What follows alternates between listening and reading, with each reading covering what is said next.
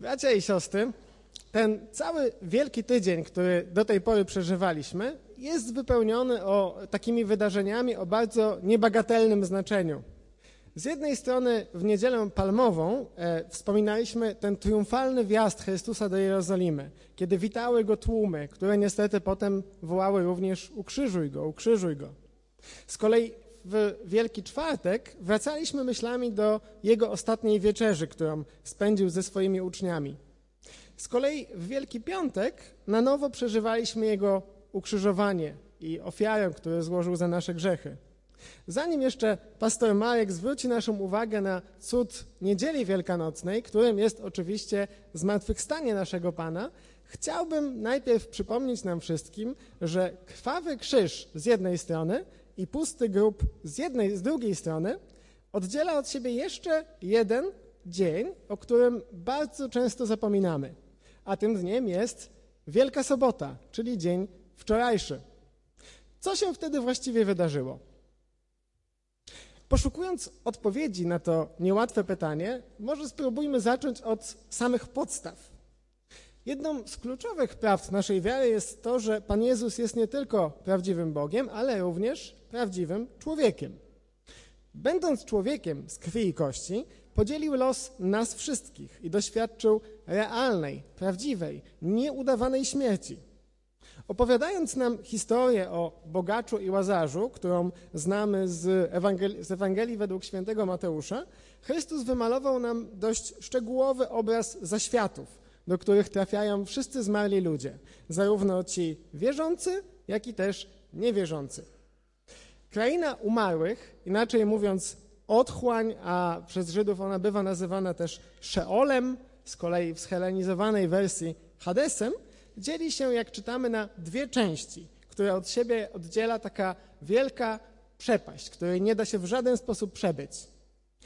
Podczas gdy w tej lepszej części przebywają Boży słudzy, którzy cieszą się wytchnieniem po trudach życia u boku patriarchy Abrahama, to w drugiej części znajdują się Boży wrogowie, którzy doświadczają cierpień wynikających z oddalenia od tego, który jest jedynym źródłem dobra, szczęścia i piękna.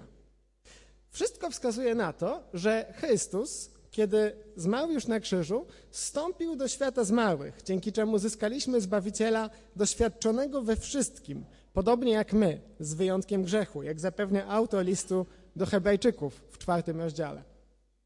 Dla wczesnego Kościoła to wydarzenie zstąpienia Chrystusa do Szeolu, do otchłani, miało ogromne znaczenie w historii zbawienia. Właśnie dlatego już w starożytnym wyznaniu wiary, czyli w credo apostolskim, znajdujemy wyraz tego przekonania, że Syn Boży po ukrzyżowaniu stąpił do piekieł, albo posługując się też innym tłumaczeniem, stąpił do podziemi. Nie musimy jednak pozostawać wyłącznie przy pozabiblijnych świadectwach. W swojej mowie po zesłaniu Ducha Świętego apostoł Piotr wprost nauczał o tym, że po śmierci dusza Jezusa zstąpiła do otchłani.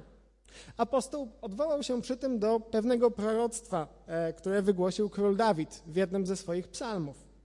Otwórzmy proszę nasze Biblię na drugim rozdziale dziejów apostolskich. Dzieje apostolskie, rozdział drugi, wersety począwszy od 25 i dalej. Dawid bowiem mówi o nim, miałem Pana zawsze przed oczami mymi, gdyż jest po prawicy mojej, abym się nie zachwiał. Przeto rozweseliło się serce moje i rozradował się język mój, a nadto i ciało moje spoczywać będzie w nadziei, bo nie zostawisz duszy mojej w otchłani i nie dopuścisz, by święty Twój oglądał skażenie. Dałeś mi poznać drogi żywota, napełnisz mnie błogością przez obecność Twoją. Mężowie bracia, Wolno mi otwarcie mówić do was o patriarszy Dawidzie, że umarł i został pogrzebany, a jego grób jest u nas aż po dzień dzisiejszy. Będąc jednak prorokiem, wiedząc, że mu Bóg zaręczył przysięgą, iż jego cielesny potomek zasiądzie na tronie jego, mówił, przewidziawszy to, o zmartwychwstaniu Chrystusa, że nie pozostanie w otchłani, ani ciało jego nie ujrzy skażenia. Tego to Jezusa wzbudził Bóg, czego my wszyscy świadkami jesteśmy. Kiedy człowiek umiera, jego dusza rozstaje się z ciałem, znajduje się już on od tej pory między umarłymi. i podobnie też było z Panem Jezusem. Jako człowiek Chrystus stanął oko w oko z naszym największym wrogiem, naszym odwiecznym wrogiem, czyli ze śmiercią. Na krzyżu Chrystus stoczył z nią pojedynek o nasze dusze, walcząc jak gdyby w naszym imieniu. I co się stało następnie? Umarł. Bóg umarł. Moglibyśmy przypuszczać, patrząc tak z ludzkiej perspektywy, z takiej powierzchownej perspektywy, że wszystko zostało stracone, że to już koniec, że Boży plan po prostu się nie zrealizował. Szatan wygrał, śmierć zwyciężyła. Ale nic bardziej mylnego. Nasz Bóg jest Bogiem paradoksów. Chrystus śmiercią zdeptał śmierć. Chrystus pokonał śmierć jej własną bronią. I aby to zilustrować, spróbuję posłużyć się taką analogią, analogią ze świata natury, ze świata zwierząt. Nie wiem, czy wiecie, ale są takie gatunki węży, jak na przykład anakonda albo też pyton, które pożerają swoje ofiary w całości, połykają je żywcem. Także nawet są w stanie połknąć tego typu zwierzęta, jak chociażby e, krowy, czy nawet jelenia razem z porożem, ale niestety połykają też ludzi. I wtedy oczywiście w brzuchu takiego węża ten, ten zwierz się trawi i stopniowo umiera, co wygląda niestety dość spektakularnie. Chociaż podejrzewam, że jeśli tam byłby człowiek, no to od środka już nie wygląda to tak spektakularnie jak z zewnątrz. Ale przechodząc do meritum, może być tak, że jeśli wąż się przeliczy i połknie za dużego osobnika, to sam może zginąć w wyniku tego procesu, w wyniku ran zadanych od wewnątrz przez to zwierzę, które się tam szamocze i zabija tego węża od środka. I podobnie też śmierć dała się e, przechytrzyć, przeliczyła się, dała się przechytrzyć nieśmiertelnemu Bogu, który przyodział się w ludzkie ciało. Pan zerwał więzy śmierci, gdyż było rzeczą niemożliwą, aby był przez nią pokonany, albo jak też jest w innych przekładach dziejów, był przez nią trzymany. Ona nie mogła go utrzymać. Był zbyt silny dla niej. Kiedy w Wielki Piątek śmierć połknęła Chrystusa ukrzyżowanego, to już w niedzielę została rozerwana od środka przez Chrystusa zmartwychwstałego. Dobrze, ale skoro wiemy już, że Pan dobrowolnie udał się w ramiona śmierci i zmartwychwstając rozsadził te bramy otchłani od środka, to możemy zapytać, czego jeszcze dokonał, kiedy jego dusza znalazła się między umarłymi. Cóż, chociaż materiał w tej sprawie jest dość ograniczony, a Biblia nie opisuje tego zdarzenia z szczegółami, to jednak tradycyjnie wskazuje się tu na dwa aspekty e, dzieła Chrystusa w Szeolu, czy też w Hadesie, krainie umarłych. Aby poznać pierwszy z tych aspektów, który można nazwać aspektem negatywnym, zwróćmy się do pierwszego listu Piotra. Będzie to pierwszy list Piotra, dokładnie rozdział trzeci i będę czytał od wersetu 18 i dalej. Gdyż i Chrystus raz za grzechy cierpiał, sprawiedliwy za niesprawiedliwych, aby was przywieść do Boga. W ciele wprawdzie poniósł śmierć, lecz w duchu został przywrócony życiu. W nim też poszedł i zwiastował duchom będącym w więzieniu, które niegdyś były nieposłuszne, gdy Bóg cierpliwie czekał za dni Noego, kiedy budowano arkę, w której tylko niewielu, to jest osiem dusz, ocalało przez wodę. Czego dowiadujemy się z tego, trzeba przyznać, dość enigmatycznego tekstu? Po tym, jak Jezus cierpiał na krzyżu za nasze grzechy i umarł, udał się w duchu do świata zmarłych, gdzie, jak czytamy, zwiastował duchom będącym w więzieniu, które niegdyś były nieposłuszne. Autor nawiązuje tutaj do szóstego rozdziału Księgi Rodzaju, który opowiada o istotach niebieskich, które na krótko przed potopem zbuntowały się wobec swojego Stwórcy. Nieco światła rzuca na tę sprawę też list Judy, w którym czytamy o tym, że Bóg aniołów, którzy nie zachowali zakreślonego dla nich kręgu, lecz opuścili własne mieszkanie, trzyma w wiecznych pętach w ciemnicy na wielki dzień sądu. Moglibyśmy więc zapytać, skoro Chrystus nauczał, głosił, czy zwiastował tym duchom będącym w więzieniu, to jaka była treść tego przesłania, które Chrystus mm, ofiarował upadłym aniołom więzionym w otchłani? jest raczej bardzo wątpliwe, aby to była jakaś e, nowina drugiej szansy, jakaś możliwość kolejnego uwierzenia w Ewangelię i bycia zbawionym. Chodzi tu raczej o ogłoszenie triumfu Mesjasza nad złem, szatanem i wszystkimi jego sługami. Piotr dodaje zresztą w wersecie 22 e, pierwszego swojego listu, że Pan wstąpił na niebiosa, siedzi po prawicy Bożej, a poddani mu są aniołowie i zwierzchności i moce, czyli różne byty duchowe. Co więcej, potwierdzają to też słowa apostoła Pawła, który w liście do Kolosan oświadcza, że Chrystus rozbroił nadziemskie władze i zwierzchności i wystawił je na pokaz, odniósłszy triumf nad nimi. Taki zresztą był cel wcielenia, tego, że Bóg stał się człowiekiem.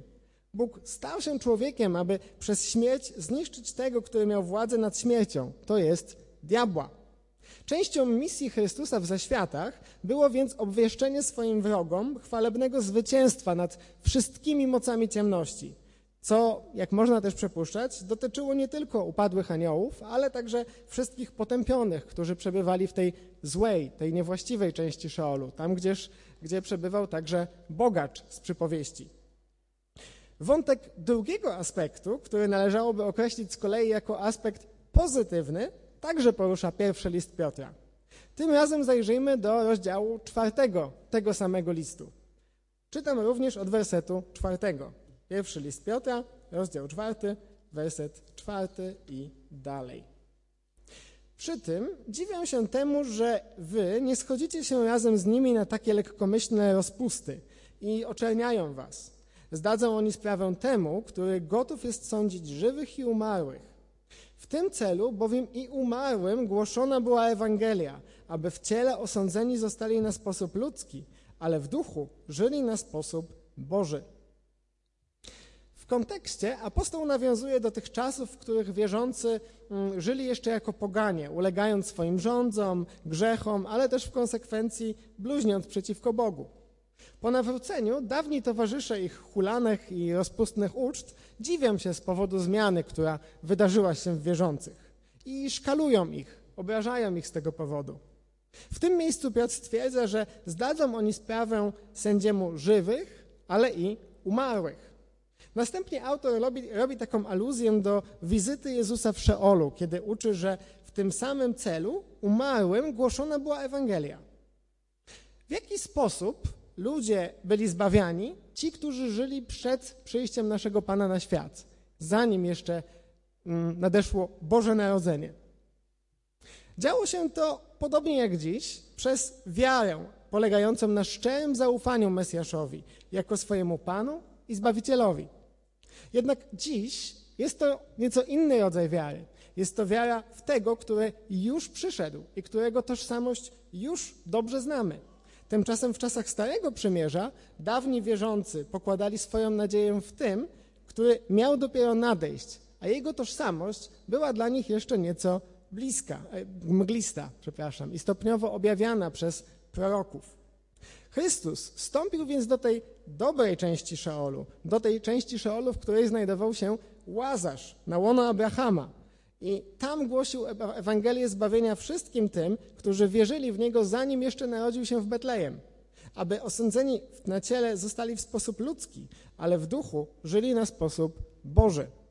Wstępując do otchłani, Chrystus wyszedł na spotkanie patriarchów i tym samym dowiódł, że jest naprawdę Bogiem Abrahama, Bogiem Izaaka i Bogiem Jakuba.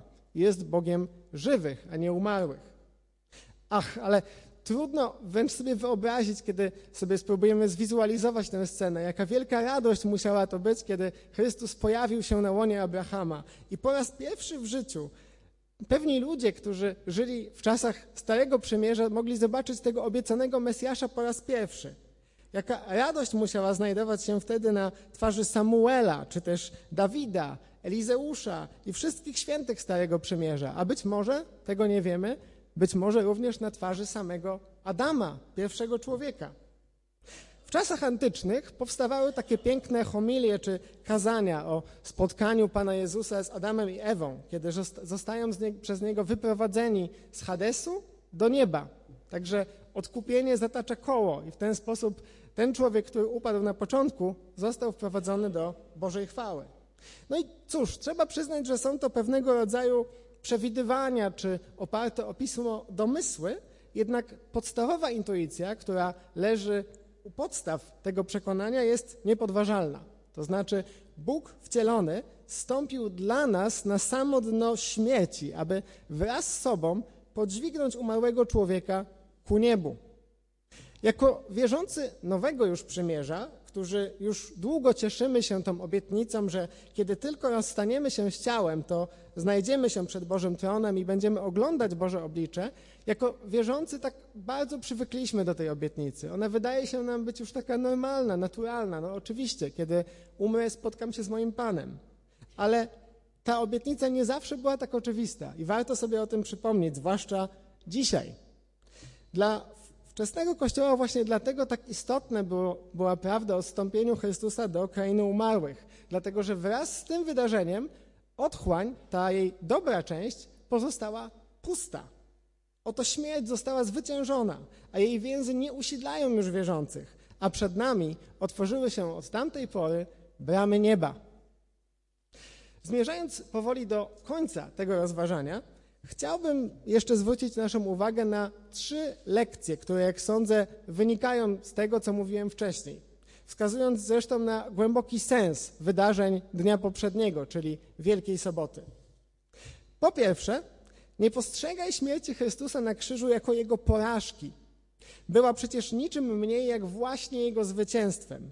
Chrystus śmiercią zdeptał śmierć. Stoczył z nią bitwę o Twoją duszę i wykupił Cię z jej więzów, zapewniając Cię, że śmierć nie będzie już miała nad Tobą władzy, jeśli tylko zaufasz temu, który jest nieśmiertelnym życiem i którego śmierć nie jest w stanie zwyciężyć. Po drugie, w aspekcie negatywnym, Stąpienie Chrystusa do otchłani stanowi ogłoszenie wielkiego triumfu Mesjasza nad złem, szatanem i wszystkimi sługami ciemności. Ten sposób Bóg dał znać wszelkim złym siłom, że odtąd cała władza została złożona w Jego dłoniach i tylko w Jego dłoniach. Pamiętaj więc, jeśli jesteś w Chrystusie, duchowe zło nie jest w stanie cię tknąć i nie ma do ciebie przystępu, jeśli tylko mieszka w tobie sam Chrystus. Po trzecie, w aspekcie pozytywnym z kolei, stąpienie Jezusa do świata umarłych wiązało się z zwiastowaniem Ewangelii zbawienia wszystkim świętym Starego Przymierza. Ku radości patriarchów niebo zostało wreszcie otwarte, a droga przed Boży Tron została utorowana przez obiecanego wieki wcześniej Zbawiciela. Niebo pozostaje otwarte również dla Ciebie, jeśli tylko powierzysz Mu swoje życie, jeśli powierzysz swoje życie temu, który poniósł najwyższą cenę, aby je przed Tobą odtworzyć. Mam nadzieję, że dzięki temu mojemu rozważaniu tajemnica Wielkiej Soboty stała się dla nas wszystkich, dla mnie i dla Ciebie, nie tylko dużo jaśniejsza, ale przede wszystkim dużo piękniejsza niż kiedykolwiek wcześniej.